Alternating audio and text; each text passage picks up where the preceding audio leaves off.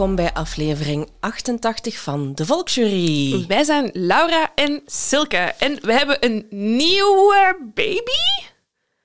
De Roadcaster. Ja, uh, poging 2. Poging 2. Dus we hebben een nieuwe... De mensen die uh, regelmatig naar ons luisteren weten dat de, tijdens een van onze vorige afleveringen onze Roadcaster in de fik is gevlogen. Tijdens een aflevering over hekserij. Maar echt, het was niet normaal. De elektriciteit is op een gegeven moment gewoon uitgevallen.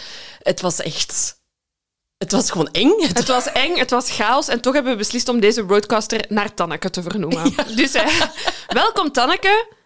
Ik hoop dat je het langer uithoudt dan je voorganger. Gedraag je alsjeblieft. Hoe is het met u? Goed. Um, het is een, uh, een, een, week vol rol Allee, een week vol rollercoasters. Nee, het was, het was een rollercoaster van een week. Um, ja, voor ons alle twee eigenlijk gewoon, want we hebben uh, een, ons tv-debuut gemaakt, zeg maar. We waren vorige week de gast bij De Ideale Wereld. Uh, is een... Um, Belgisch tv-programma over de actualiteit, waar we semi-live eigenlijk moesten ja, inspelen op wat dat de presentator, of de host Jan Jaap ons voorlegde.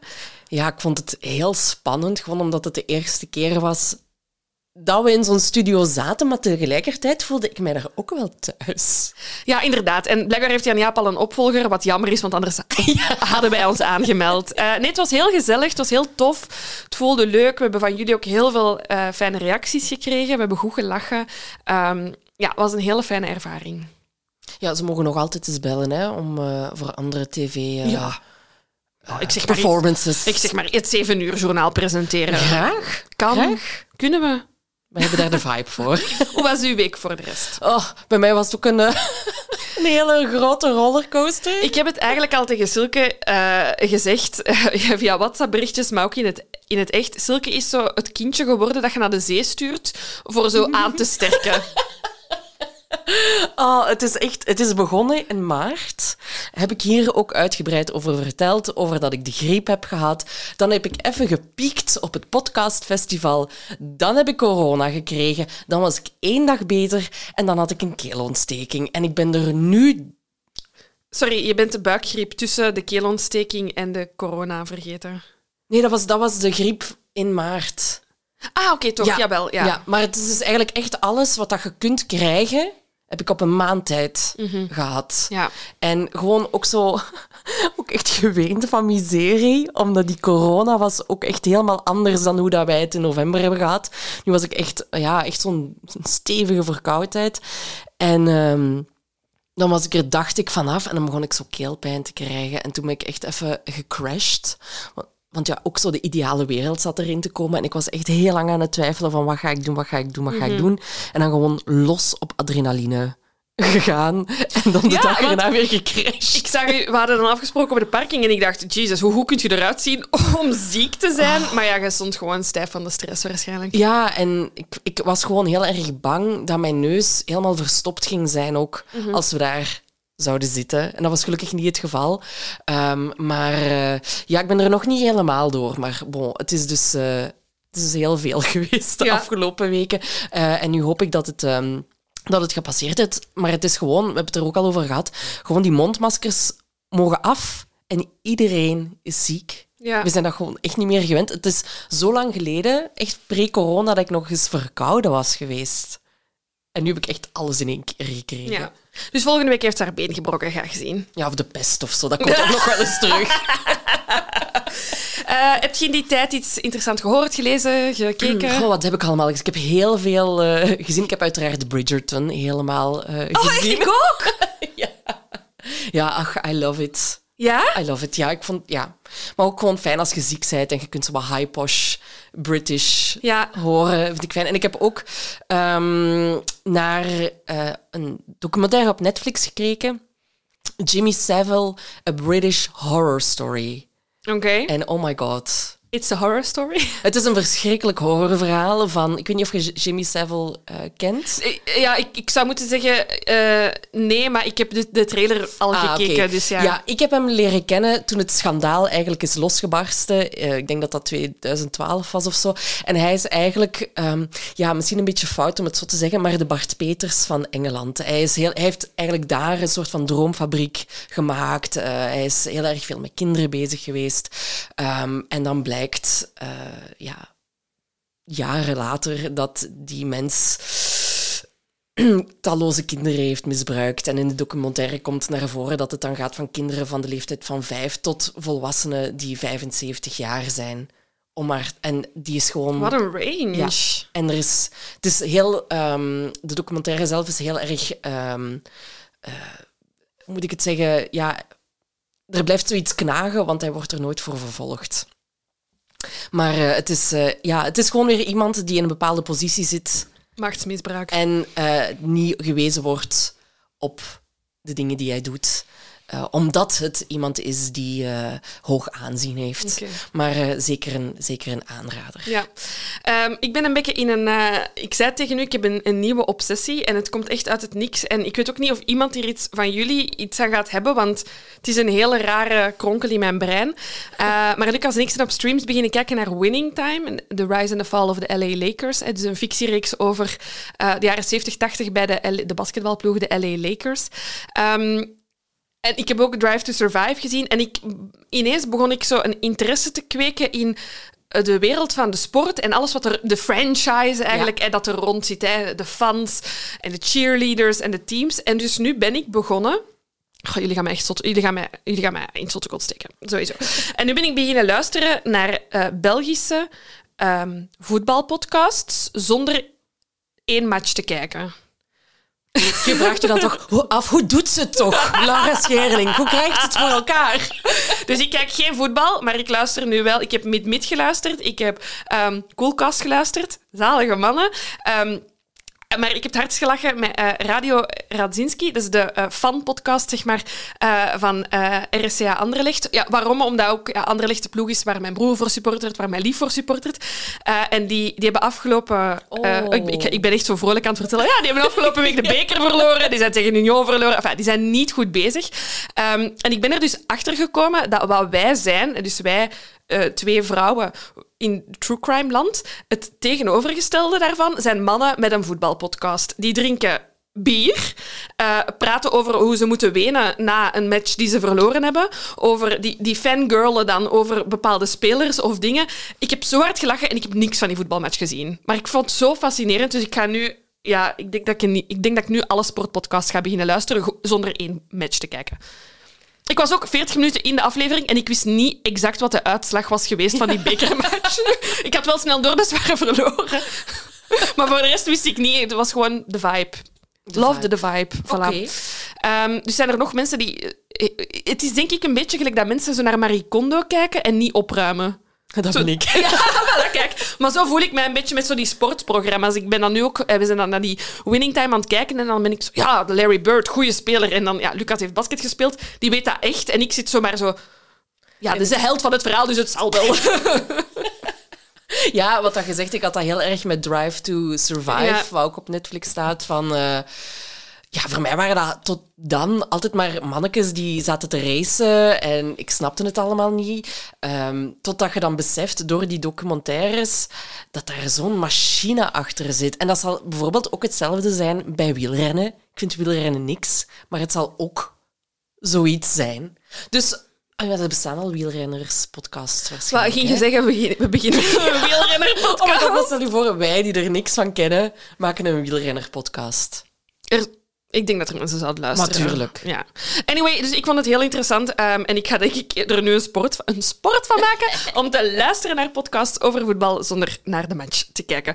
Um, om te compenseren voor mijn raar wangedrag heb ik ook een um, true crime podcast tip. Uh, hij heet Bad Bad Thing. Ik ga even de korte inhoud voorlezen, zodat ik... Want om hem zelf te pitchen verklap ik vaak te veel. Mm. Dus um, je hebt Jen Eyre, dat is een vrouw, en zij vermoedt dat haar man Mark een affaire heeft met zijn baas. Jen Eyre heeft zoiets van, mm, ik ben niet zeker en, en ik wil het controleren. En zij begint de nieuwe geliefde af te luisteren met verborgen opnamemateriaal. Mark zijn leugens en bedrog komen aan het licht, maar ze heeft het heel moeilijk om daarmee te kopen. Dus ze begint ook zichzelf op te nemen en de gevoelens dat daarmee Gepaard, gepaard, gaan. Uiteindelijk gaat er in real life een enorm drama afspelen. Ja. En heeft deze podcastmaker al dit materiaal, audio- en videomateriaal, gekregen. En daarmee maakt zij deze podcast. In samenwerking met één van de drie partijen.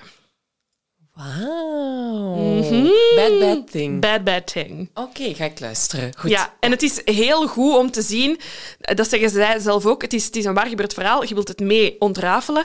En het is mooi, of interessant om te zien hoe dat krachtige emoties echt, die, die starten vanuit wraak en, en verraad en, en, en woede, hoe dat, dat wortel schiet en bij, drie van die, bij de drie hoofdpersonages op een andere manier en hoe ze daarmee omgaan. Want je zei zo, ja, ze zijn met drie, je hebt een affaire, die is er, en de vrouw die achterblijft. En je weet uiteindelijk na aflevering 1 al wat, er, wat de drama is dat unfold. En je, dan hebben ze zoiets van, ah ja, tuurlijk kies ik partij voor die persoon. En toch beginnen dan zo door alles te- die opnames te luisteren. Er zit ook een psycholoog bij die alles kadert. Beginnen Nee. ze toch van, "Mm, maar dit snap ik wel. Of, mm, Gertrud. Of, mm, het, het is heel interessant. Ja, iets wat ik nog niet gehoord heb, precies. Ja, en ook gewoon crazy dat iemand zegt... De, allee, de persoon die dat heeft meegewerkt, heeft gezegd van ja, je mocht, het, je mocht mocht dit het materiaal gebruiken. gebruiken. Want die persoon zelf komt er ook niet goed, supergoed uit.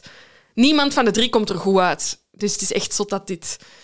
Wauw, oké, goede tip. Ja, Goeie voilà. tip. Dus dat is eh, mijn toch wel true crime eh, tip. Ehm, ja, dan deze aflevering hebben we weer een kortingscode van HelloFresh. Dus eh, je eerste drie boxen, als je nog geen klant bent, daar kan je 75 euro korting op krijgen. Onze kortingscode is HelloVolksjury75. Ik ga die in de show notes zetten. En ehm, ik was eens in het foldertje van HelloFresh aan het Ja, ze kijken. wou me dus niet zeggen waar, waar we het over gaan hebben. En ik wou even vragen, Silke, of jij weet wie Johan Leenders is. Nee. Nee.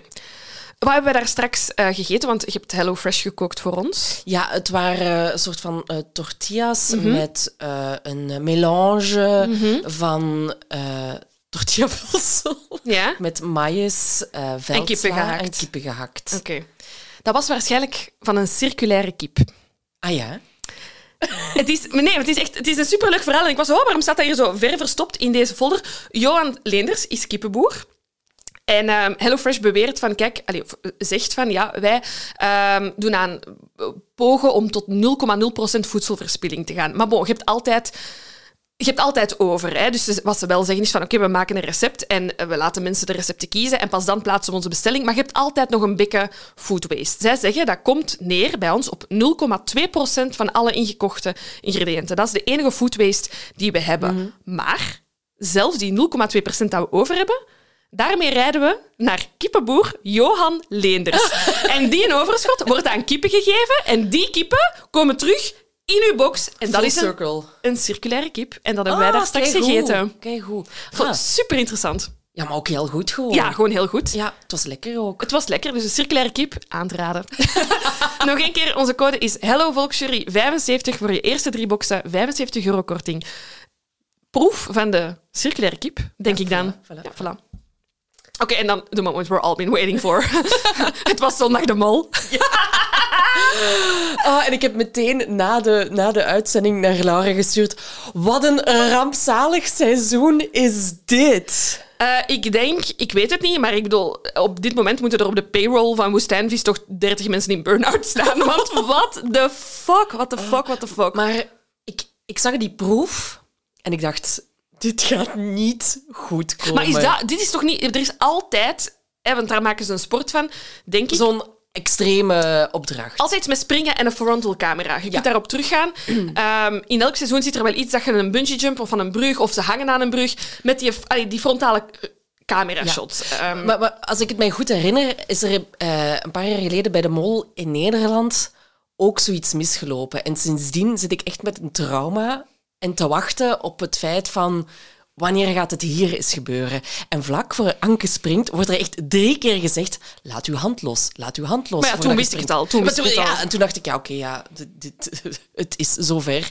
En eh, oh my god, ik wist niet wat ik kreeg. Maar het ding was, de aflevering ervoor eh, vond ik dat Anke heel raar deed over ehm, die opdracht met dat schieten. Zij was zo kwaad Hè, dat, dat- dat, dat er mensen vrijstellingen hadden genomen en dat het geld, terwijl, ik bedoel, al het, Emmanuel heeft dat supergoed gedaan. Ze heeft al het geld bewaard. Ja, heel goed. En, en, dus dat, dat heeft hij supergoed aangepakt. Dus eh, toen is er een milliseconde in mijn hoofd dat ik dacht, Jesus, Sabit is dat de mol en ligt hij er nu uit? Ah ja, tuurlijk. Het had zomaar gekunnen, hè. Maar het kan niet, want Uma is de mol. Ik heb beslist. Ik heb beslist, ik vind het heel moeilijk. Ik vind het zo... Ik, Ik had zoiets van, nu moet ik pikken, want we zijn echt, we zijn bij de finale. Dus ik heb nu gewoon gezegd, Uma is de mol. Ah, wel, ik zal iemand anders kiezen. Ehm. Mm. Wacht, wilt jij eerst uitleggen waarom dat je denkt dat het Uma, Uma is? Ja, ehm Uma is heel weinig veranderd, maar Uma heeft ook heel hard toegegeven dat ze al heeft gemold toen dat Philippe nog de mol was. Ehm, ik denk dat Uma het spel supergoed begrijpt, heel goed weet wat ze moet doen eh, en op de juiste momenten de juiste dingen doet. Ja. Het feit dat ze daar toen voor die twee pasvragen heeft gekozen en, en wist dat ze ging worden afgeschoten, ook stookte op Anke die nog kwam en daar heel veel chaos. Zij wou ook dat dat geld Ja. wegging. Ehm, en concreet in deze aflevering, de vraag met Bert en Ernie, Ja. heeft ze echt magnifiek aangepakt. Maar de woede die ze had erna, hè, van oh, en jullie hebben het, en we hebben het niet gehaald, terwijl dat ze wist dat ze een fout antwoord had, met, in Ja, mijn ja, redenering ja. dat ze de mol is, had ik daar minder kak aan gehangen. Want ze was daar drama aan het maken, terwijl Oema normaal nooit pist is als een proef mislukt. Of... En eerst was ze zo, allee, zeg, nu hebben we dat niet gehaald en heb je geen enkele banaan er kunnen inschieten. Ja, dat was fucking moeilijk, dat heb jij ook. Om dan zo, ah... Ah, ah, het, was, ah, het was fout. Ah, hadden, we hadden keiveel geld kunnen verliezen. En ik zag daar precies oprechte woede van... Ik heb, ik heb, het is niet gelukt. mijn, mijn manipulatie is niet gelukt. Hetzelfde met die bomproef. Die begint daar zo... Ja, en wij zaten daar maar... En ik dacht, Gillen hebt... Je hebt alles in handen, hè. Ja. En je hebt daar drie keer een bom laten ontploffen. Je hebt keihard erover gedaan om te communiceren. Je communicatie zat totaal niet goed. Ik zou mij... Ik vind dat ze ineens heel uitvergrote reacties heeft op proeven. Iets wat ze ervoor Ah, ja, niet goed geobserveerd. Goed ge- Want ik, ik, ik bedacht mij ook van, degene die ehm, in de kamer zat met de bom, die hebben het meeste macht. Die hebben het... Ik bedoel, hè, omdat zij moeten doorgeven... Mhm. Ja, zij, zij moeten gewoon de informatie doorgeven. Zonder die informatie zijn de andere spelers niks. Ja. En toen dacht ik nog, voordat Anke eruit lag, ja, Anke zit wel heel veel te babbelen door die telefoon. Ja, ik vond, ik vond in die opdracht bijvoorbeeld Jens ook heel verdacht. Ehm, Sven ook, want Sven is inderdaad... Ja, sorry, maar Sven, wat was dat opeens? Het is wat dat Jens ook zei. ehm, van, in het begin ging hij ervoor en nu was ze van... Pff, je m'en fous, ik weet het allemaal niet. En dan dacht ik, maar dat, vind, maar dat vond ik dan zo... Te, te- het was ook te- wel... eh, Het ding is, het was ook wel het punt... Ze moesten zeker ene keer mislukken om door te hebben dat de opdracht in die loop Ja. dit en dat. Ehm, maar ik hoorde, om, toen, ik hoorde bij hun berekening over Ronaldo... Ik had dat direct door. Ja. Van, nee, sorry, dat is niet juist wat je nu zegt. Ze roepen die doelpunten... Je hoort wel de naam van dat ziekenhuis geroepen worden, maar je hebt niet gehoord dat hij daar zit te roepen dat er 7-2 is gescoord en dat je het verschil Ja. Enfin, en daar heeft, denk ik, ook Uma hard geprobeerd om hard te schrobben om er Ah ja. op dat zinnetje er niet volledig op te krijgen. Ehm, ja, ik weet het niet. Ik bedoel, ze zijn allemaal best verdacht. Zal ik gewoon een naam zeggen dat we alle twee één iemand hebben, Ja. verschillend? Ja, Ik ga voor Manu. oké. voilà. Heel Gewoon goed. omdat ik denk dat heel weinig mensen haar verdenken. Ja, ik verdacht haar heel hard toen Philippe Ja. de Mol was. Ja. En ik zat toen ook op Sven, hè. Maar ik vind Sven te hard veranderd. Ah, zo? Ja? Ja, wat ik net zei, hè. in het begin ging je er zo voor en nu is dat zo van, oh ja, ik weet het nu, ik weet het al. Allee. En dan denk ik, ja, gast, allee. Ik vond, wat mij heel hard op ook viel, is dat aan het rad. Kunnen allemaal goed liegen, hè? Behalve Uma, die had ik meteen door. Ehm, ja, maar weet je wat dat, ik, ik vond dat een heel moeilijk moment ook om, om te mollen, omdat ik... Maar dat is misschien de, de waaghals in mij, maar ik dacht iedereen gaat willen springen, no matter wat dat je zegt.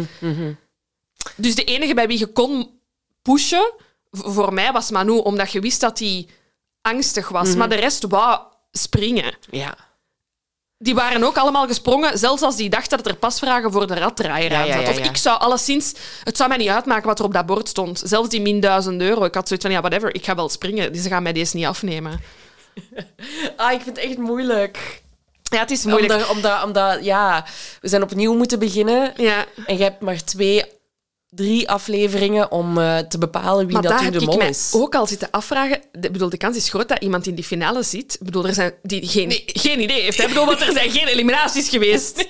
Nee, of dat er zelfs dat, dat ze met drie erin zitten en dat de twee toch nog fout zitten. Dat is perfect mogelijk, ja. Oeh. Ja, oké, maar ik, ga, ik zal nu zeggen Manu. Oké. En waarschijnlijk toch nog veranderen tegen dat het zo ver Zo is. één seconde voor de, voor de reveal. Nee, het is toch Sven. Ja, en als ze eruit ligt volgende week, ja, dan moet ik wel even, ja, dan moet je even updates sturen. even updates sturen. Ehm, ik wil nog, eh, nog twee dingen zeggen. Eh, ik weet niet, het is mij deze aflevering pas opgevallen, maar er heeft een zeer gekend vakantiefenomeen plaatsgevonden in de mol. Namelijk, één iemand eh, heeft eh, een, een bepaald dialect dat iedereen begint over te Ah, nemen. en het is het stopwoordje putain. Waar, ik bedoel, ik, ik ben van de rand van Brussel, dat is mijn Ik heb scheldwoord. het eh Oema horen zeggen. Oma heeft het gezegd, Sven heeft het gezegd, iedereen, Anken heeft het gezegd. Er is één iemand waarschijnlijk die dat effectief gebruikt. Ja. De rest heeft dat mee opgepikt, zo classic vakantievriendjes, en ineens spreekt je zo. En ineens... Die nu allemaal ook een tattoo hebben. Ja, hoe goed is dat? Hoe goed is dat? En dan verder wou ik nog even zeggen, eh, ik had het vorige keer al gezegd, eh, de molzone op Telenet, ehm, dat ik de documentaire ging kijken van 10 jaar de mol. Mannekes, die docu is live. Je moet kijken. Zo hard gelachen. Echt waar, over de eerste seizoenen, waarbij dat inderdaad die Michiel de Vlieger die, die, die finale moet presenteren, mega scheef is. En dan zie je die beelden opnieuw en dan zo, what the fuck, bent kei dronken. Dat was op nationale tv. Over hoe dat ze in die eerste edities, ja, pre-internet, alleen was wel internet, maar kandidaten via annonsjes in de gazet zo, wil jij meedoen aan een uitdagend spel van woestijnvissen? Schrijf je hierin. Wauw. Mensen hadden geen idee. En, en inderdaad ook zo, ja, dat zat dan in het 7 uur journaal en dat sommige mensen, dat, dat de eerste vier afleveringen van het eerste seizoen niemand keek. Dat die, dat dat, Oh, ja, dus echt hilarische documentaire. Ook een proef, ook op hoogte, dat ze hebben opgesteld en dachten, ja, dat gaat een uitdaging zijn. En die gaan allemaal op die paal staan en ze... Ah, was dat de proef? Ah, oké, ja, Zo dingen die... Heel leuk, zo dingen die achter de schermen zijn fout gelopen. Ehm, dus een aanrader, eh, als je telenet klant bent, in de molzone. Tien jaar de mol. Alright. Heel goed. Afleveringsgemaakt. Afleveringske. Ehm, daar ook over nog een dienstmededeling. Dit is weer een aflevering in samenwerking met Streams. Eh, zij eh, brengen, en we hebben het even gevraagd, want er is een wijziging geweest in het eh, ja, uitzendschema, zeg maar. En ze releasen dus één aflevering van True Crime Belgium per maand. Ehm, en de- degene die deze maand is verschenen, kansloos in lot, die gaan wij vandaag brengen. Ja. Wat vond je van de docu? Gewoon om te beginnen. Oh, ik vond het weer goed. Ik vind het echt Ik goed. vind het echt We hebben heel het- goed gedaan. We hebben het naar elkaar ook gestuurd. Hè.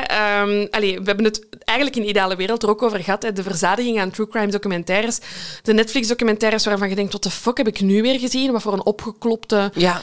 bullshit is dit? En dit is echt... Dit was weer een docu van net geen uur, waarvan elke seconde zo goed was. Ja, er is, geen, er is geen enkele seconde te veel. En dat is inderdaad wat ik vaak heb bij eh, andere, eh, bijvoorbeeld ja, op Netflix, die erop worden gezet.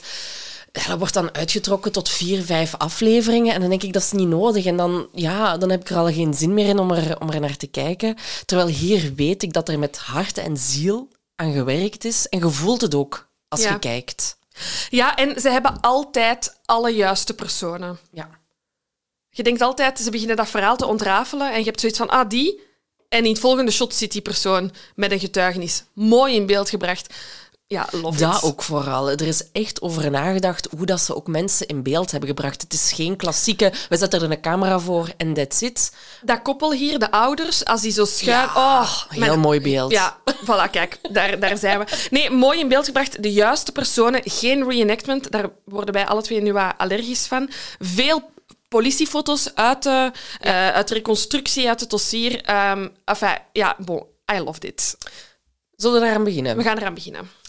Ehm, Kitty van Nieuwenhuizen wordt geboren op 5 december 1983 in Leuven. En ze is de enige dochter van Johan en Nelly. En eigenlijk ja, heeft ze een hele leuke jeugd. Eh, ze fladdert door haar middelbare studies. Eh, ze doet wat uitzendbanen en zo. En dan... allee, heeft ze wel echt al die roeping van ik wil agent worden. Hè. Ze heeft het daar al heel haar leven voor in, over. In die documentaire komt ook een vriendin van haar aan het woord. ehm, dat ze zeiden van ja, haar bijnaam was eigenlijk ook gewoon de inspecteur of variaties daarop, omdat ze het daar altijd over had. Hè. Dus Kitty beslist dan ook niet veel later om naar de politieschool in Vlaams-Brabant te gaan. Ja. En ja, het is hard werken voor haar, hard studeren. Ja. Ja. Maar iedereen loves her. Ja, het is, het is, het is zot. In de documentaire vond ik heel schattig. ehm, is Boris aan het woord en hij is de Peter van Kitty ehm, in de politieschool. Wat ik echt een super tof concept vind. Wij hadden dat op middelbaar ook. Dus dat zijn eh, leerlingen van de politieschool die ouder zijn, die de eerstejaars eigenlijk, die krijgen iemand toegewezen eh, ja, om, om zo, als je praktische vragen hebt, om onder hun, hun, hoede ja, te nemen. En die Boris vertelt dan ook van, ja, het is een politieopleiding, je mocht dat echt niet onderschatten. Je hebt sowieso les van 8 tot 5. En om zeven uur kun je al aansluiten om een uur te gaan lopen, hè, omdat je die fysieke proeven ook hebt. En als je thuis komt na vijf uur, dan eet iets, dan moet je beginnen studeren, want je hebt uiteraard heel veel tests te doen. Dus dat is echt niet te onderschatten. Eh, maar hij zei, ja, Kitty die stond daar dan om zeven uur om te gaan lopen, terwijl die is mega atletisch. Die had nul problemen met die fysieke proeven, maar ja, die was er gewoon zo graag mee bezig. Ze wou alles meedoen. Ja, ze had zelfs op haar nachtkastje, vertelde een vriendin van haar, een foto van zichzelf staan in uniform. Zo dedicated Echt? was ze. Vandaag zouden we zeggen manifesting. Echt zo. I'm manifesting becoming an agent. Besef. Besef.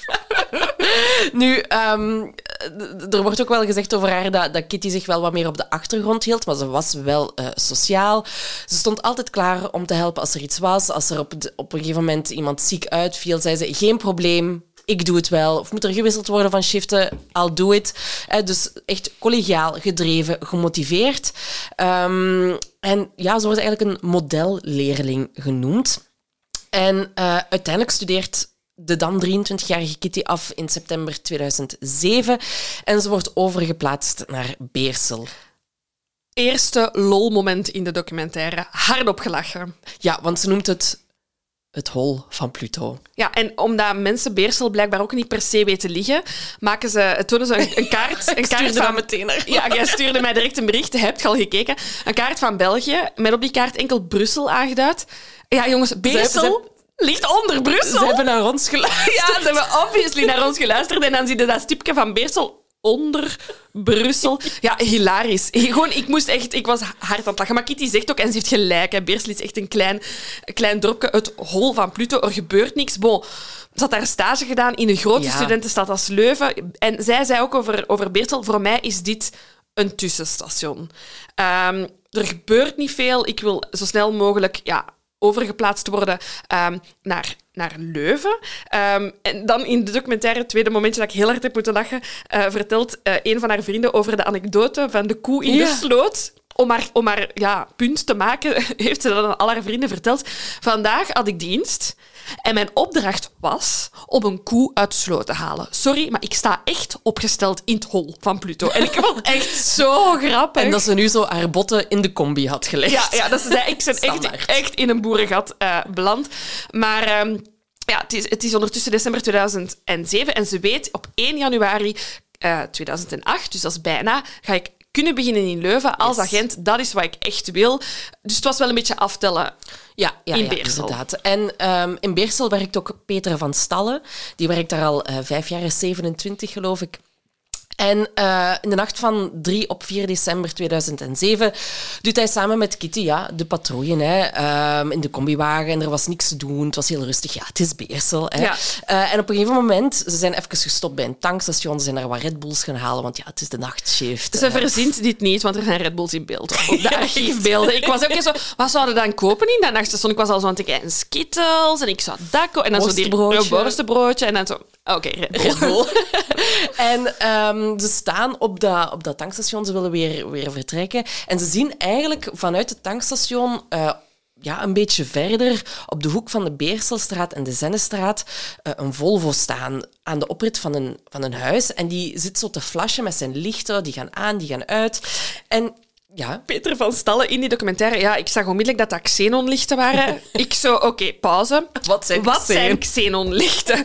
Ehm, dat is een, een ander... Dus in plaats van gloeidraad... ehm, zo, dat je bij een klassieke lamp hebt, wordt er een lichtboog tussen twee elektroden eh, Mhm. geplaatst. Ik vermoed dat het, eh, net zoals een gloeilamp, xenonlamp en ledlamp zal dat zoiets zijn. Maar dat was eigenlijk in die tijd, 2007, totaal nog niet ehm, toepasselijk in wagens. Dat was iets opmerkelijk, wat dat aangaf dat dat een vrij nieuwe, sportieve wagen was. Ehm, en bij Peter, die vond dat onmiddellijk verdacht, want je wist, die mensen hebben zo geen auto, de mensen die daar wonen. Typisch ook, boerenhol, als je daar politie bent, je kent iedereen, zijn Iedereen. auto, iedereen zijn, je weet wie waar zit. Dus net zoiets van, mm, één, dat hij met zijn lichter daar staat te knipperen, dat is al raar. En die auto hoort niet bij dat huis. Nee, en wat dat ze dan ook nog zien vanaf daar is eigenlijk schimmen die, ja, die daar rondlopen. Hè. Ehm, dus een minuut later eigenlijk staan Kitty en Peter aan het huis op nummer 38. Kitty ziet die nummerplaat van die verdachte wagen. Ze geeft door. En ondertussen is er nog, zijn er allerlei andere zaken daar nog Ja. bezig. Dit zijn echt de harde feiten. En ja, het, het, speelt zich eigenlijk af in die huizen. Je hebt de combi waar dat onze eh, Kitty en Peter zitten en dan de buurman. Dit is allemaal Ja. door elkaar aan het gebeuren. Want ondertussen staan er ook inbrekers in het huis van Ismaël Sakor, die op nummer 38 woont. Hij is wakker geworden van gestommel in het huis en hij staat op een gegeven moment oog in oog met een van die criminelen. Ja. En ja, hij spreekt hem daarop aan, maar hij wordt onmiddellijk neergeschoten. Ik vind dat de waanzin. De waanzin, ja. Nee, maar sorry, maar eh, dus één, eh, je komt dan, ik zou ik weet niet of ik, waarschijnlijk wel, ik ben zo impulsief, ik zou ook naar beneden lopen en zo, ah wel, wat is dat hier? Maar je hoort toch altijd, nee, maar je hoort toch Ja. altijd dat, dat inbrekers weglopen. Maar die man, hun reactie is, die hebben een zwaar wapen vast, een Kalashnikov, en die schieten Ismaël drie keer neer. Drie keer, ja. Ja.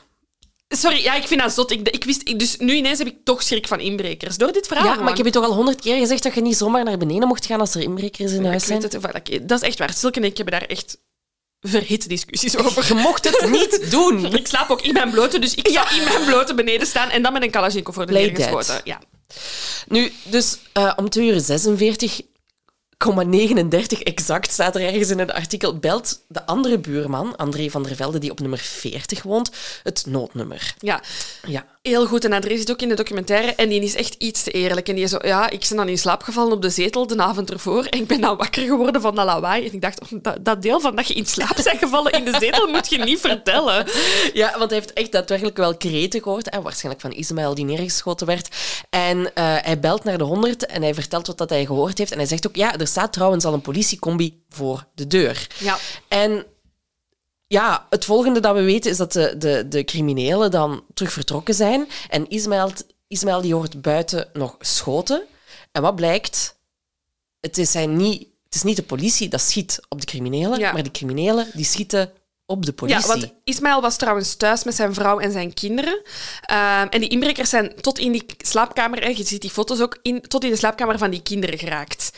Heel raar, zeker als we weten wat, naar wat dat ze eigenlijk op zoek waren. En Ismaël is die, ja, die mens echt moedig. Hè. Ze zeggen dan wel, ja, die, die, deed karate, dus die had wel wat ja, gevechtservaring, zeg maar. Die is die inbrekers nog gevolgd. En die is eigenlijk dan buiten, ja, buiten bewustzijn gevallen, want die was echt, ja, ik denk in zijn zij of in zijn maag geraakt. Ja.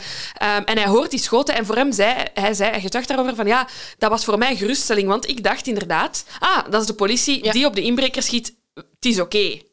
Maar ehm, ja, Peter wordt in zijn hand geraakt en ook in zijn zij. Hij kan nog eh, omroepen naar de centrale van eh, er is een collega gewond. Hij stapt nog uit de wagen, maar de combi dat was een automatiek en die stond nog in drive, Ja. in D. Dus die is verder blijven bollen. Dus Peter heeft zich erachter moeten verschansen, terwijl dat die wagen nog zo heel zachtjes vooruit reed. Terwijl hij weet dat er daar nog criminelen staan. Hè. En uiteindelijk is die politiecombi tot stilstand gekomen tegen de stoep, of tegen een berm.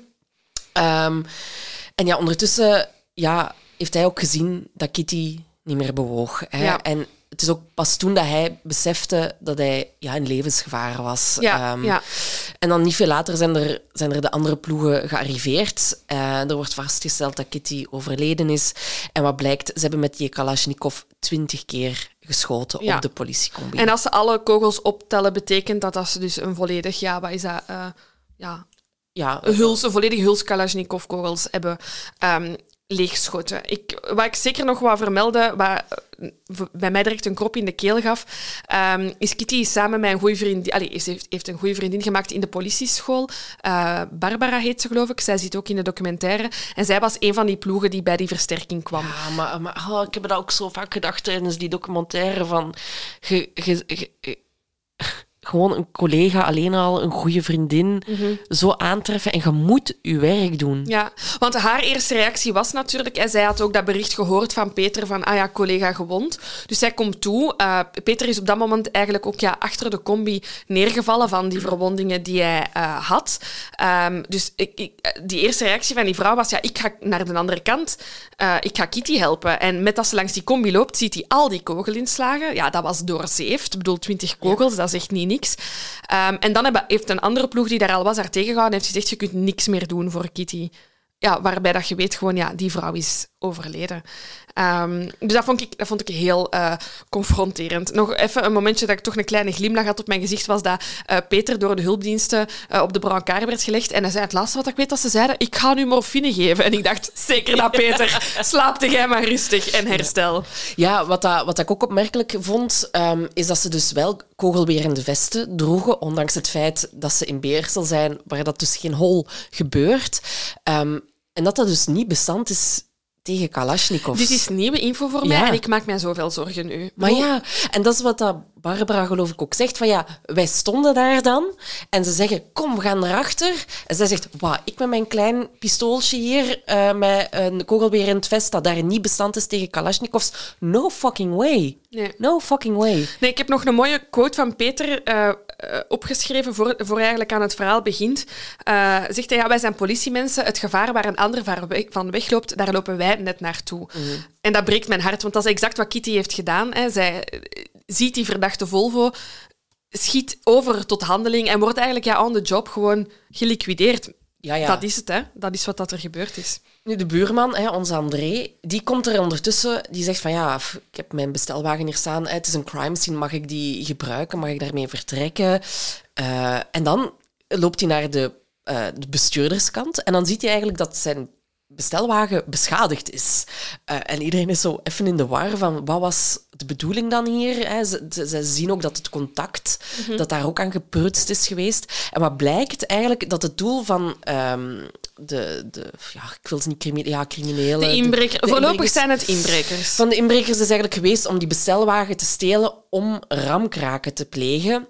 Maar dat ze op het moment dat ze met die bestelwagen bezig waren, ze Kitty en Peter hebben zien komen. Ja. En daarop hebben ze dus eigenlijk terug naar hun Volvo, uh, zijn ze daar naartoe teruggelopen. Maar die batterij was leeg. Hè, vandaar... Door die fucking xenonlichten. Exact. Zijn ze niet kunnen vertrekken, zijn ze bij Ismaël binnengegaan, hebben ze daar de autosleutels willen stelen van de Peugeot, hebben ze Ismaël ook nog eerst neergeschoten en zijn ze dan met de auto van Ismaël, een Peugeot, vertrokken vooral, allez, ze hebben dan ook nog eerst geschoten, uiteraard, en dan zijn ze uh, vertrokken. Ik weet dus dat het... het gaat om een fucking bestelwagen om ramkraken te Dat waarschijnlijk zelfs niet was uitgekomen, hè? Want stel dat die hun Volvo hadden laten staan. Ah ja. Oké, okay, we weten, spoiler alert, dat dat een gestolen voertuig is. Ze hebben die een bestelwagen niet kunnen meepakken. En stel dat die te voet gevlucht waren, oké, dan waren ze misschien alsnog gevat, maar wie weet niet. Voor wat waren ze dan gearresteerd geweest? Poging tot inbraak. Dat, is wat, dat, dat is wat dat hen boven het hoofd ging. Poging tot inbraak. Want ze hebben die camion niet eens kunnen stelen. Ja. Goh, daar heb ik nog niet bij nagedacht, ja. En in de plek hebben ze, waarvan dat ze zelf weten, zeker drie mensen neergeschoten. Ik wil maar zeggen dat er uh, nog geen zes minuten waren verlopen tussen het, de eerste, het eerste moment dat Peter gebeld heeft om te zeggen uh, er, is, uh, allez, er is hier een verdacht voertuig hè, met de nummerplaat. En het moment dat ze zijn weggereden. Zes minuten. Ja. Zes minuten maar dit alles heeft afgespeeld. We kijken ook vaak trouwens uh, op de ordendiensten, maar uh, deze zes minuten tonen al aan hoe snel dat er effectief gehandeld wordt bij uh, gevaar. Um, maar ook die, dit onderzoek en hoe alles is gelopen is like a movie. Ik bedoel, het is heel intelligent aangepakt. Dat ja. wou ik even zeggen. Ik wil nog eerst even terug naar de, naar de reactie van de ouders. Ja, ja, maar vanaf nu vind ik eigenlijk alles gewoon crazy goed gedaan. Ja, zeker. Um, dus ja, de feiten zijn gebeurd. En om vijf uur s ochtends worden Johan en Ellie wakker gebeld. Ehm, en hij zegt daar eigenlijk over... Allee, er staat iemand aan de deur. En in een artikel staat, uh, vertelt Johan, uh, we schrokken, we gingen aan het raam kijken. Er stond een politieman en een medewerker van de sociale dienst waar Kitty tijdens haar stage nog meegedraaid had en zijn gezicht sprak boekdelen. Ik wist meteen, dit kan alleen maar slecht nieuws zijn. Terwijl zijn echtgenoot Nelly nog denkt van, ja, ze zal gewond zijn. Maar Johan is ex-militair en die weet hoe het allemaal werkt. Als Kitty gewond was geweest, dan had ze haar gewoon laten bellen om te zeggen...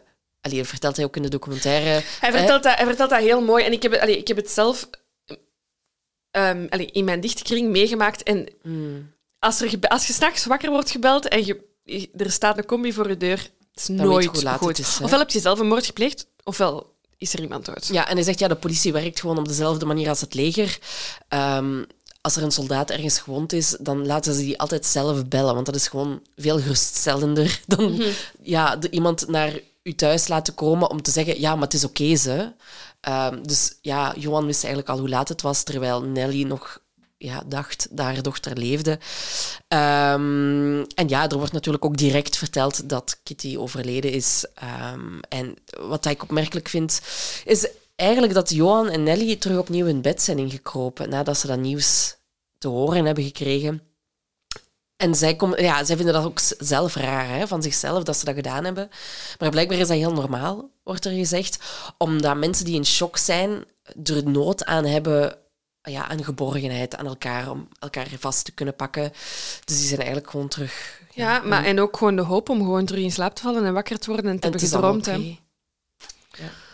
Ja, de, eh, de, momenten met... De, het ding is, ik vond het een heel emotionele aflevering op alle vlakken. Hè, om die vriendin uh, Barbara daarover te horen praten, die ouders erover, erover uh, horen te praten, zonder heel emotioneel... Het is niet dat er daar een viooltje werd onder gezet, maar het was heel pakkend. Alles wat die mensen zeiden was heel pakkend en kwam echt, echt binnen. Want ik ken de zaak van Kitty van Nieuwenhuizen en we hebben die ook wel al eens als suggestie gekregen, maar ik had er niks... Allee, niet dat ik er niks mee had. Het is, natuurlijk, het is een zaak. Ik zou, ik zou elke zaak willen brengen. Um, maar het is echt wel dankzij deze documentaire dat ik heb... Ja, dat ik de bigger picture of zo zie. Ja. Dus uh, ja, ik vind, ik vind het wel echt nice. Ja, en ook, um, er, komen ook, hè, er komt ook een beste vriendin van, van Kitty aan het woord, Sophie geloof ik. En die vertelt ook gewoon hoe dat ze het nieuws heeft vernomen. S ochtends wakker worden, vijf gemiste oproepen hebben, berichten.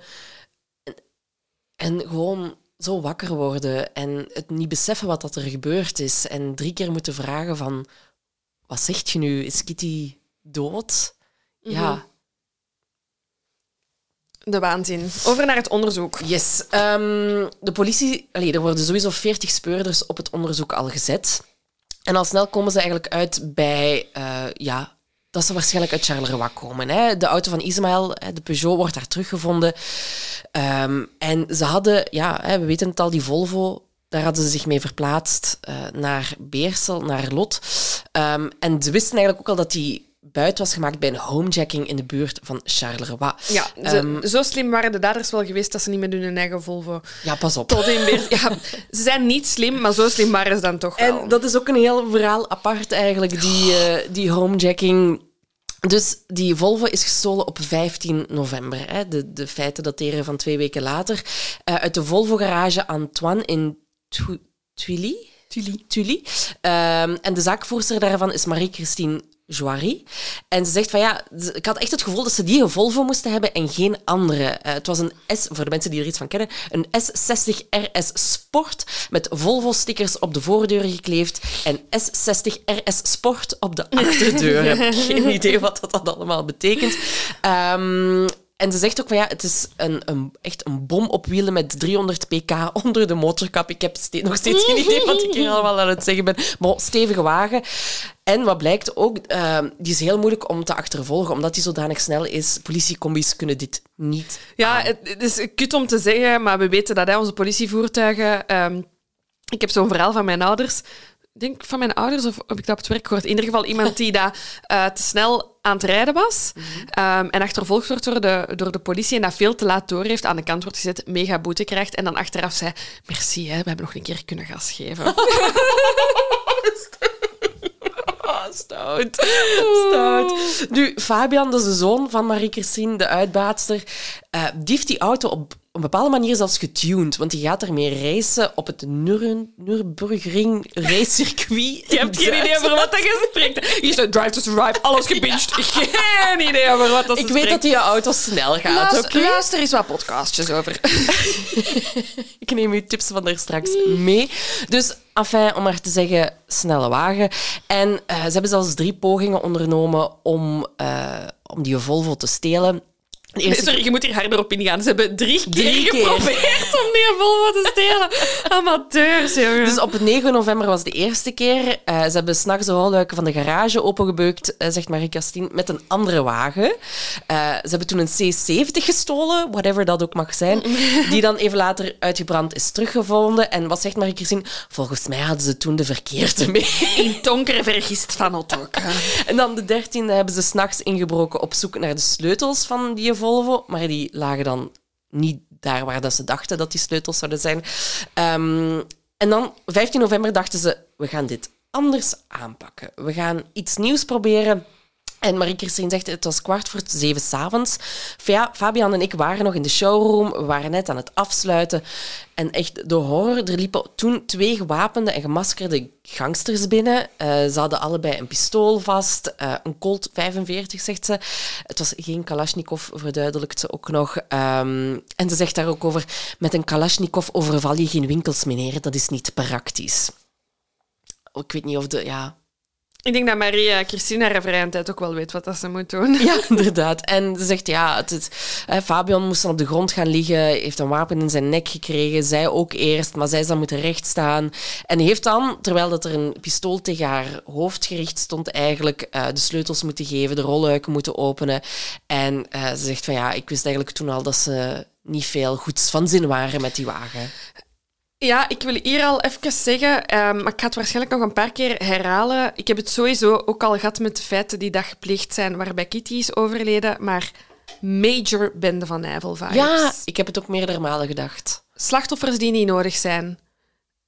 Overvallen die mislukken. Homejackings. Zware wapens, gemaskerd. Amper buit maken. Ja. Echt bende van Nijvel Ja. Ehm, even kijken. Ah ja, en dan hebben ze ook nog nummerplaten gestolen, uiteraard. Want hè, met die Volvo... eh, Ja, ze dachten wel dat ze, dat ze slim bezig waren. Hè, Inderdaad, inderdaad. Ja. Ehm, dus, en die nummerplaten die toen gestolen zijn, ehm, die hingen dus ook op de, op de Volvo, die in Beersel is teruggevonden. Maar de stickers die erop hingen, hadden ze er wel afgehaald. Want dat dachten ze, dat gaat ons verraden, dat gaan we niet Ze doen. dachten dat ze voorbereid waren. Dus de link is eigenlijk duidelijk, hè, tussen wat er in Beersel is gebeurd en tussen die homejacking. Alle pijlen wijzen naar. Ja. En ehm, de Peugeot van Ismaël is dus uitgebrand teruggevonden ook in Goutroux, dat is nabij Charleroi. En ehm, ja, de, de speurders gaan er eigenlijk al, al snel vanuit dat, ze, dat, eh, ja, dat het moet gezocht worden in het grondbanditisme-milieu. Opnieuw, Bende van Nijvel-vibes eh, in Charleroi. Ehm, en wat ik daar nog heb over gevonden, vind ik wel heel interessant, want Charleroi is en blijft blijkbaar de hoofdstad van het Ah, grote banditisme in België. Oh, graag gebashen op Charleroi. Oh, dat er geen... Ik denk dat er geen mensen uit Charleroi Maar. Het, het, het, zijn gewoon feiten, het zijn de cijfers. Dat is echt... Ik vraag me af... Het ding is, ik, ik ben nu wel zelf al lang niet meer in Charleroi geweest, maar die dragen dat echt wel met zich mee, toch? Als zo de... De, ze zijn zo de lelijkste stad van, Ja. van Europa of Ja, zo. ja. Ehm, nee, maar het, is, het, het zijn gewoon opvallende cijfers. Give me the facts. Dus, het zijn misdaadcijfers uit 2006. Dus kan... ja, maar omdat ze Helemaal up-to-date hier. Dus ondertussen is dat misschien wat... eh, ik hoop dat het er in ieder geval op verbeterd is. Ehm, dus winkeliers in Charleroi hadden er toen 2,5 keer meer kans om overvallen te worden dan in Brussel. Drie keer meer dan in Antwerpen en bijna 15 keer meer dan in Gent. Ehm, Oh, Gent, classic. ja, Ehm, dus ehm, iemand uit Charleroi loopt ook drie keer meer kans om gecarjacked te worden in Charleroi dan een inwoner van Brussel en zes keer meer dan Gentenaars en Antwerpenaren. Nergens in België wordt er meer ingebroken dan in Charleroi. Nergens worden meer banken en juweli- juweliers overvallen. En eh, er staat nog een optimistisch puntje. De voorlopige statistieken voor 2007 tonen enige beterschap, maar rooskleurig is de situatie nog altijd Oké, kunnen we een update uit Charleroi krijgen, alsjeblieft? Graag. Dankjewel. Ehm, ja, dus er is, er is wat gaande en zo, hè, maar ja, iedereen zit zo op zijn honger, hè, want allee, waar, waarom wordt er niemand gearresteerd? Ja, het is duidelijk, allee, wat, want we hebben dat eigenlijk vrij snel ehm, kunnen zeggen van wat het uiteindelijke doel was van die mannen. Namelijk, hè, ze zijn. Maar ik begrijp wel nog altijd niet wat ze in Beersel specifiek gingen Ja. doen. Maar ze, ze, ze zijn uit Charleroi gekomen, de mensen die dat deze eh, overval wouden plegen, eh, overval gone wrong op dit moment. Ze moesten zo'n camionetje, allee, eh, vrachtwagen hebben, die dat ze dan konden gebruiken. En de politie vermoedt dat ze die voor ramkraken gingen gebruiken. Ja, binnenrijden en leegroven. Ik heb hier nog opgeschreven, op 11 december 2007 is de begrafenis van Kitty Ja. van Nieuwenhuizen. Beklijvende beelden.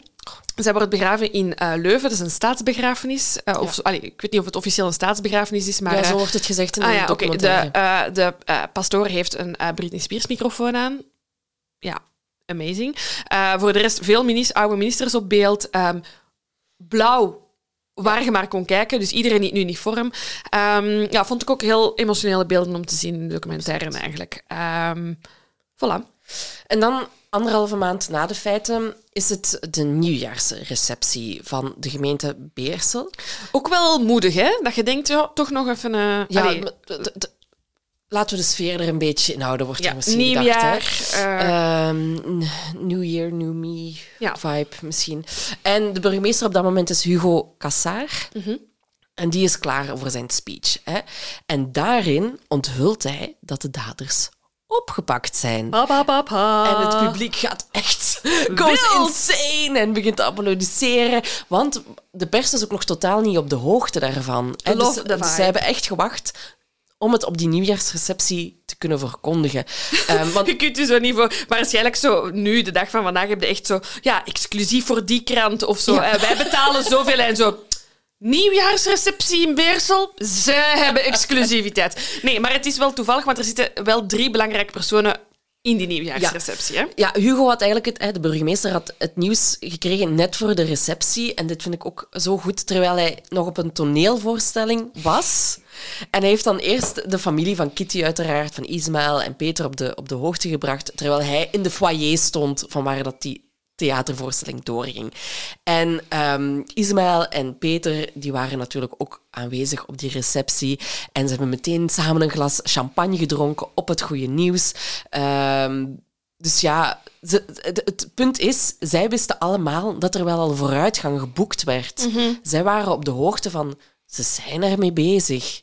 Ja, en toch vind ik dat ehm, verschrikkelijk lang en frustrerend. Eén, die feiten... eh, december is een kutmaand. Oh, ik heb volgens mij al veel kut gezegd deze aflevering. Kut, kut, kut, kut, kut. Ehm, december is echt een lastige maand voor feiten. Want je Sukkie, sukkie. Sukkie, sukkie.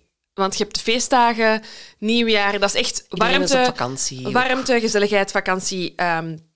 dus ik vind, ja, ik, de, ik zat, zij, de, de familie getuigt van, ja, we wisten eigenlijk op de begrafenis al, wat dat dan 11 december is, dat er things were moving. Maar ik vind anderhalve maand lijkt voor mij een eeuwigheid, moest ik betrokken partij zijn. Maar ze hebben het goed aangepakt, Oh, hè? het is, sorry, dit is weer even, we gaan toch een klein pluimpje uitdelen aan de speurders. Klein.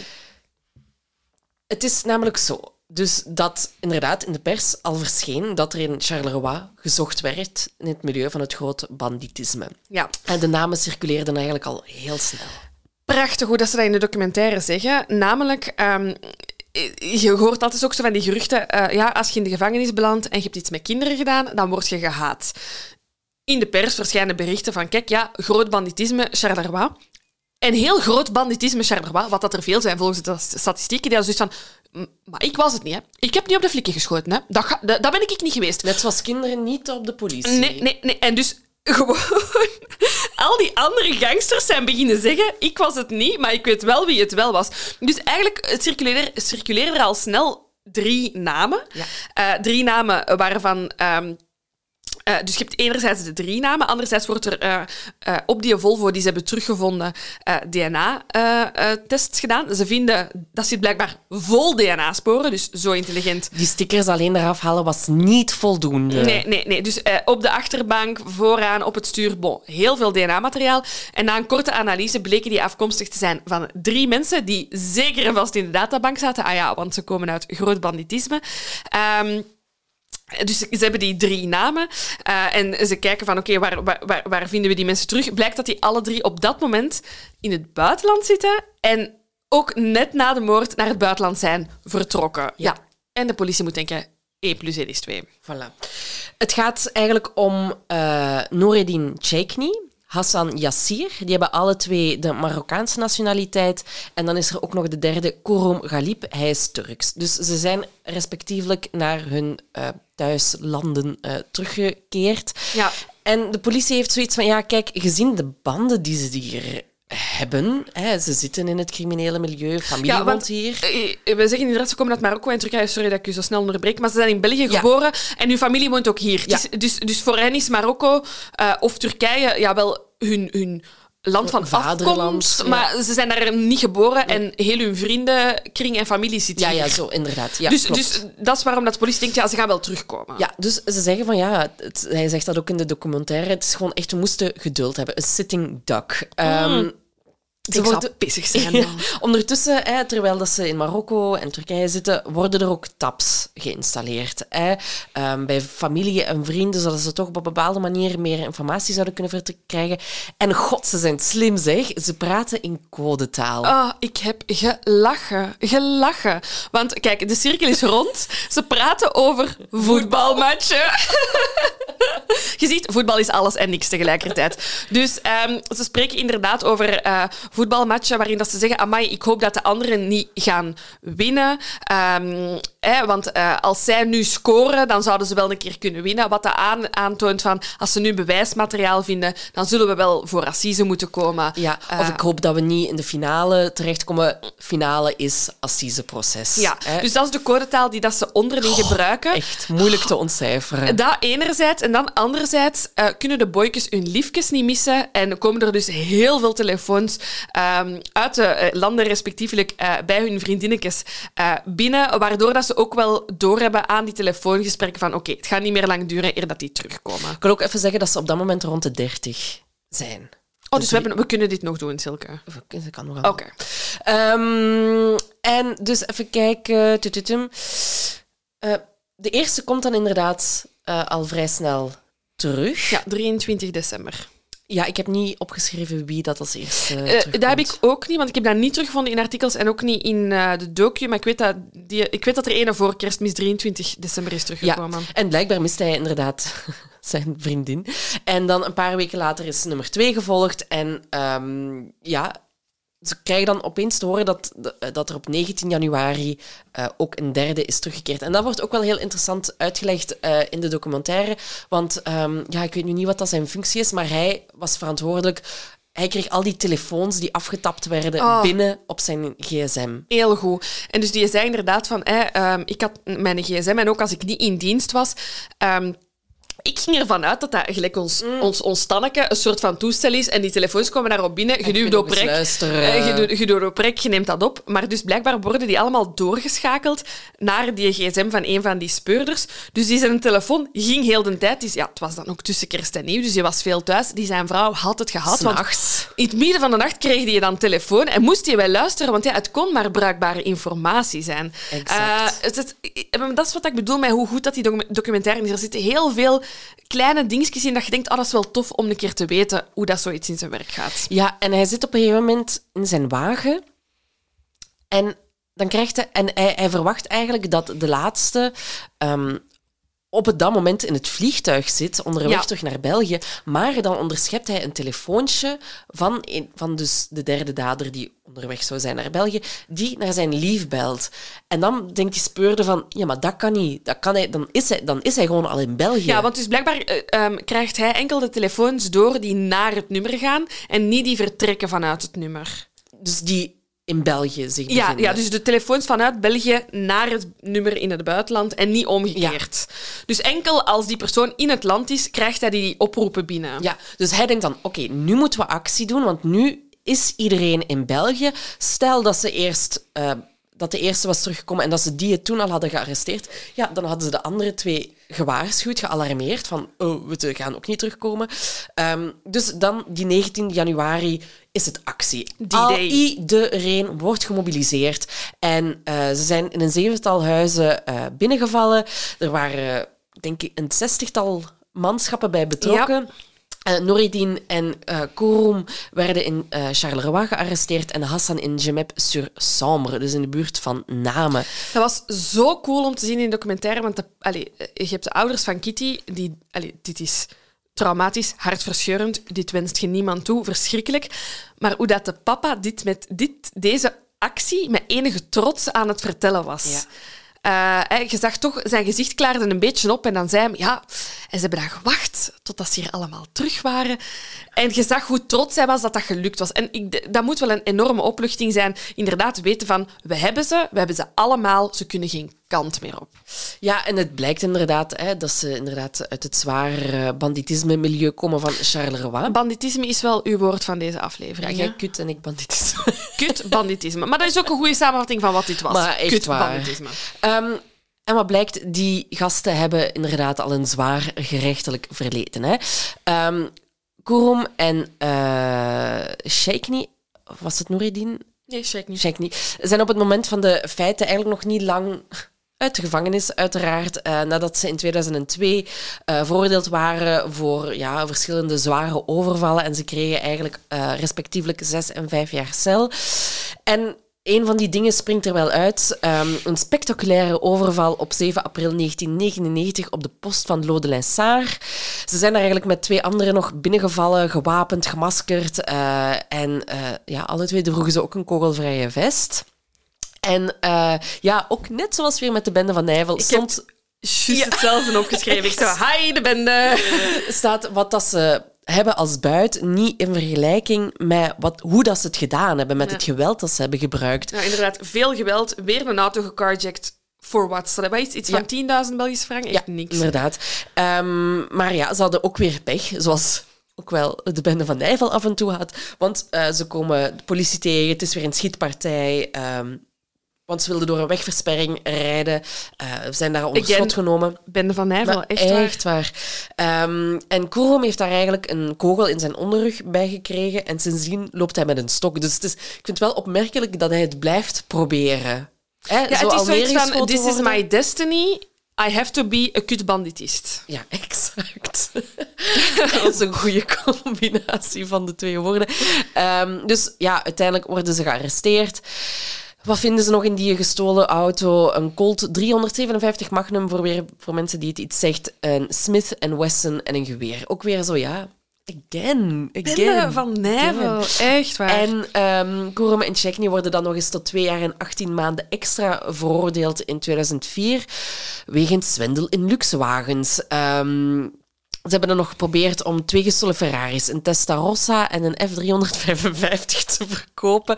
Ik ga um, eens een quiz doen met alles, uh, alle wapens en wagens, wagens. En jij moet zeggen welke welke is. Dat is goed. Mm -hmm. um, ja, en eigenlijk op het moment dat de feiten in Beersel plaats hebben gevonden, was Kurum voorwaardelijk vrij. Um, Hassan is heeft nooit tot dan iets met die andere twee gedaan. Uh, maar ook hij heeft al, uiteraard een uh, zwaar gerechtelijk verleden met van gewapende overvallen. Samen met de drie anderen heeft hij in 2000 uh, een overval gepleegd op een Dexia-kantoor. Um, ze hebben een gijzelaar meegenomen. Toen ja, en in 2000 heeft, heeft dat plaats, plaatsgevonden en toen was Hassan ook voorwaardelijk vrij. Um, want hij moest eigenlijk een straf van vijf jaar uitzitten voor een reeks andere overvallen. Kijk, dus, er worden veel vragen gesteld, ook bij justitie en zo. Want hoe kan het? Hoe kan het dat deze drie voorwaardelijk vrij zijn? Weet je, het is een beetje gelijk een toxische relatie. Het is altijd hetzelfde probleem en je hebt altijd dezelfde vragen. En toch gaan we verder. Want we zijn nog altijd in een systeem met voorwaardelijke vrijstelling, met recidivisten die gewoon daarna toch terug in de maatschappij belanden. Ik bedoel, ik ben ook niet pro forever in de vergeetput steken.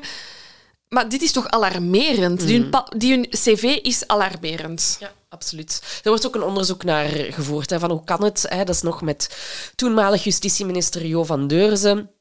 Hij zegt van ja, ik ga onderzoeken of alles is gedaan wat nodig is om de samenleving te beschermen. Ja, niet hè, Jo. Maar ja, is het een doofpotaffaire? Want uiteindelijk komt het nieuws van het blijkt uiteindelijk wel zo geweest te zijn. Hè. Dat was ook met... Uh, dus toen dat ze dan voorwaardelijk vrij zijn gekomen, was dat met uh, minister Onklings. Ja. En um, er blijkt wel echt een commissie achter gezeten te hebben die bepaald heeft of dat ze al dan niet Dus er zijn flapdrollen die hebben gezegd, het is goed, ga maar vrij. Ja. inderdaad. Amazing. Dus eh, dat is een beetje de, de situatie daar. Eh, ze zijn dan uiteindelijk, eh, de drie komen voor een onderzoeksrechter, ze worden aangehouden. Maar het is niet evident, het, uh, het is, Silke, het is niet evident. En um, ze passen een beetje de, de, tactiek toe dat ik eigenlijk ook altijd zou toepassen. Hè. Um, in eerste instantie ontkennen. Nee, we hebben daar niks mee te maken. Ja. Nee, ik heb dat niet gestolen. Um, maar als ze dan een mapje, tijdens, zo stel ik mij dat aan voor, tijdens die ondervraging naar voren schuiven waar dat je DNA-materiaal in zit en waarin dat je een match hebt, mm.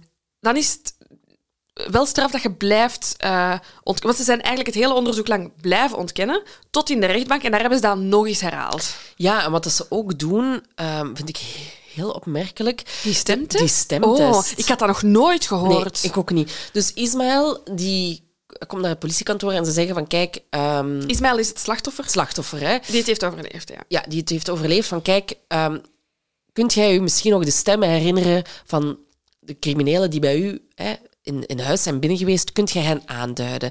Hè? En... Um, ja, ze, gaan er dan, ze hopen dan eigenlijk twee stemmen dat hij zou herkennen. Dat gaat om die van uh, Hassan en van Noureddin Chekni. Um, maar dat lukt niet. Maar waarom lukt maar waarom het niet, Silke? Omdat de ene verdachte zijn stem vervormde en de andere de stemtest weigerde. Maar zou die dan echt zo... Hallo, ik ben Hassan. Allee, dat kan toch maar, niet? En ook dat dat, dat dat toegelaten wordt. Dat je niet zegt van... Gast, maar je spreekt nu toch helemaal anders dan hoe dat je tijdens de verhoren hebt gesproken. Je valt toch compleet door de mand. Hoe kan het dat ze die niet hebben kunnen ja, dwingen tussen aanhalingstekens om zijn gewone stem te gebruiken. Ja, en ook dit is toch heel makkelijk op te lossen. Je hebt verhoren, die worden toch waarschijnlijk opgenomen. opgenomen. Ik was er niet bij. Maar hier heb ik heel veel vragen Ik vind het een raar concept. Ik wil het weten. En ik besef nu ook dat als wij ooit iets doen en ze ons een stemtest laten doen, dat er een groot probleem is, want iedereen herkent ons. ja, niet als ik zo praat hoor. Wij zijn Laura Silke. Zo vanaf nu alle podcasts zo opnemen, just to be sure. ons gaan ze nooit hebben hoor. um, nog een opmerkelijk feit dat daarop volgt is eigenlijk... Oh, ja, maar het is weer... Kijk, het politieonderzoek is heel goed verlopen, maar over justitie hebben we weer veel vragen. Ja, ja daar, daar loopt het weer mis. Um, een, een, we noemen het een domme procedurefout. Actie op de parcours. We zijn ondertussen november 2008 en Hassan die is op een gegeven moment in vrijheid gesteld, want er zou het een en ander fout zijn gelopen op de griffie van de gevangenis van Vorst. Want wat was daar gebeurd? Hassan, die had, zijn, ja, die had hoger beroep aangetekend tegen zijn aanhouding. En die akte... Ja, sorry, er is dus nog geen proces geweest, nee, nee, jongens. Dus We zijn nog in voorlopige... Ja, en die akte van beroep die is nooit bij die griffie geraakt. Hè, die is dus nooit uit de gevangenis geraakt en is dus niet het is allemaal heel technisch. Hè? Bij de Kamer van Inbeschuldiging terechtgekomen. En die Kamer van Inbeschuldiging, dat is een probleem, want die hebben maar 15 dagen om op dat beroep te antwoorden. Eigenlijk, om het eh, heel simpel te stellen, is... Hassan schrijft op een briefje... Dit is echt heel echt, Zo, ja. Hij schrijft op een briefje, ik ga in beroep. Ja. Dat is dus ook niet via zijn advocaat, Hassan. Ja, dus Hassan zegt, ik ga in beroep. En hij geeft dat briefje en hij zegt, oké, dat moet nu naar het bureau van de, Griffie? Van de, van de Griffie. Griffie zegt uh, nooit ontvangen. En de wet zegt dat als we dat niet ontvangen, dat, er een, dat, dat het gevolg daarvan is dat er een procedurefout is gepleegd. En als er een procedurefout is gepleegd, ja, dan kan je, dan kan je vrijkomen. Dan kan je je vrijlating eisen. Ja, inderdaad. Maar wat, is, ja, wat, wat, is er fout gelopen? Wat dan ook, ook gebeurt. Hè? Ik wil nog even zeggen dat Hassan uiteindelijk werd vrijgelaten, want de procureur des Konings in Brussel kan niks doen. Maar zijn collega in Charleroi wel. En hij laat Hassan onmiddellijk opnieuw aanhouden in een ander dossier, waar dat ze in Brussel niet van op de hoogte waren. Dus het gaat ook over groot banditisme. Ik wil even weten waar gebeurt dat? Snapte? Heb hij zich laten omkleden? Heeft hij de deur van de gevangenis open gedaan? Heeft hij een ja. sigaretje gerookt? Iets gegeten? Of was dat echt zo nog op de grond aan de bus haalt. En snapte, ik wil weten... balen, hè? Zo denken van... Het is mij gelukt. Maar dat hoop ik. Dat hoop ik. Dat je echt die zo de volle twee minuten geeft, buiten komt, maar voordat je effectief iets kunt doen, zo... You're under arrest! Ja, dat hoop ik. Dat hoop ik, inderdaad. Hassan, laat het ons weten. En er wordt uiteraard een onderzoek gestart. Want hoe kon dit mislopen? Blijkbaar was een cipier in Zijn de gevangenis papier. van Vorst, zeg je daar? Ja, bende van Nijvel vibes. We moeten daar een, jingle, jingle. voor maken. We moeten een jingle voor de bende van Nijvel maken. Ehm, die was blijkbaar de papieren vergeten door te geven. En te vergeten tussen aanhalingstekens. Hè? Blijkt dat die cipier wel vaker papieren vergeet? Ja, blijkbaar had meneer een handeltje opgezet in procedurefouten. Ik, we hebben hem nog niet meer jingle bende van Nijvel vibes. En hij kreeg daar blijkbaar, hij had dat blijkbaar eerder al gedaan, kreeg er altijd 5000 euro voor. Heeft dat nu ook gedaan. Hoe gecashed, man. Maar je moet er maar 5000 opkomen, hè? Ja, ja. Maar hij wordt er wel eh, voor eh, veroordeeld voor een gevangenisstraf van drie jaar met uitstel. Ja, weet je, het ding is... En dat is nog wel slim dat hij dat handeltje doet, want 50% kans is het een handel- een handeltje, 50% kans is het ons justitiesysteem dat fout loopt. Dus die zegt zo, het kan alle kanten op gaan. Het kan alle kant, kant op gaan. Maar bon, Hassan zit gelukkig nog vast. Ja. Ehm, en dan gaat het richting assiseproces. En in de documentaire wordt ook gezegd van kijk, we hadden geen bekentenissen, maar we hadden wel een sterke zaak. En Heel mooie zo. quote, hè? Ja. Liever zo dan dat we bekentenissen hebben en een zwak dossier, want een bekentenis kan altijd terug ingetrokken worden. Hij zegt, bewijzen blijven bestaan. En ik was, love it. Maar bon, het assiseproces zelf, ja, daar werd eigenlijk weer ja, een moeilijke zaak van gemaakt. Want één, eh, ja, ze hadden dat DNA-bewijs. Daar moesten ze heel hun case rond bouwen. Want eh, opnieuw, de drie mannen hebben geen bekentenissen afgelegd, blijven ontkennen ehm, tijdens het proces. Ehm, en dan komt er een uit. Of of heb nog iets? Ik heb nog een fun fact over Ja. het eh, proces. Ehm, Geef het maar. Er is een reservejurylid in slaap gevallen. Tijdens Waar heb je dat gevonden? een artikel. Heel goed. Dus ehm, een van de advocaten die, die erbij waren was Sven Marie. En die heeft eigenlijk die man gezegd van... ehm, ja, ik zie deze man de hele tijd in slaap vallen. Laten we hem alsjeblieft uit zijn lijden ja. verlossen, staat er in het artikel. Oh, heel goed. Eh, en ze hebben hem... eh, ja, blijkbaar was die man al zo'n keer gestruikeld. En dan zo echt zo aan het knikkenbollen. Zo, hè? Wat dat ik op, op mij ook vaak overkomt. Maar ik hoop toch niet, als ik ooit in de volksjury zit, dat het mij dan overkomt. Maar het was blijkbaar een heel technisch assiseproces ook. Ja, ze hebben ook enkel DNA. En die mannen wouden niks zeggen. Mitochondrie. Dus voor minder. Nee. Ehm, en dan komt er een verdict. En eh, dat is eigenlijk voor alle partijen eh, ja, een, een enorme tegenslag. Ehm, ze, ze worden alle drie veroordeeld tot 30 jaar. Dat is voor hen een flinke boterham. Maar de familie heeft zoiets van... eh, wat? 30? Ik bedoel, kunnen we hier niet over levenslang spreken? Ik bedoel, wie Ja. schiet er een... Wie gaat de aanval... Wie gaat er eh, tegen politiediensten in de aanval met de dood tot gevolg? Het is gewoon... Het is waanzinnig dat er geen levenslang wordt uitgesproken. Ja, want we weten allemaal, en dat wordt ook in de documentaire gezegd, 30 jaar is nooit effectief. Ik heb het even opgeschreven. Wat is 30 jaar in België? We weten dus dat het proces in 2008 was. Nee. 2011. Oh, amai, sorry. 2011. De eerste persoon is vrijgekomen in 2018. Noureddin, ja. De tweede in 2019. En de eh, laatste in 2022, which is now dus. Ja, ja Noureddin, de, de eerste, die komt wel nog eerst vrij met een elektronische enkelband. Hoe, Oh, dramatisch. Ehm, Oh. En in 2019 is dan beslist dat hij die eh, enkelband niet meer moest dragen. Ehm, Hassan heeft volgens, voor zover ik heb kunnen lezen, wel nog een enkelband. En Koerum wacht nog wel. Is hij is die ondertussen... ja, nee, dus- die heeft wel al zo dat penitentiair Penitentiair verlof. Ja. verlof, ja, dat inderdaad. Ja, dus, ehm, maar waarschijnlijk eh, is Koerom nog niet vrij, omdat hij wellicht degene is geweest, als ik het goed heb, die eh, Kitty die geschoten heeft. Ah, hij had de Kalashnikov Ja. om. Oké. Ik denk dat ze dat hebben kunnen uitmaken op de manier waarop ja, bon, een, eh, expert. eh. Nee, maar als ik het goed heb begrepen uit alle informatie die ik heb gelezen, is hij degene geweest die geschoten heeft. In ieder geval, het is heel weinig.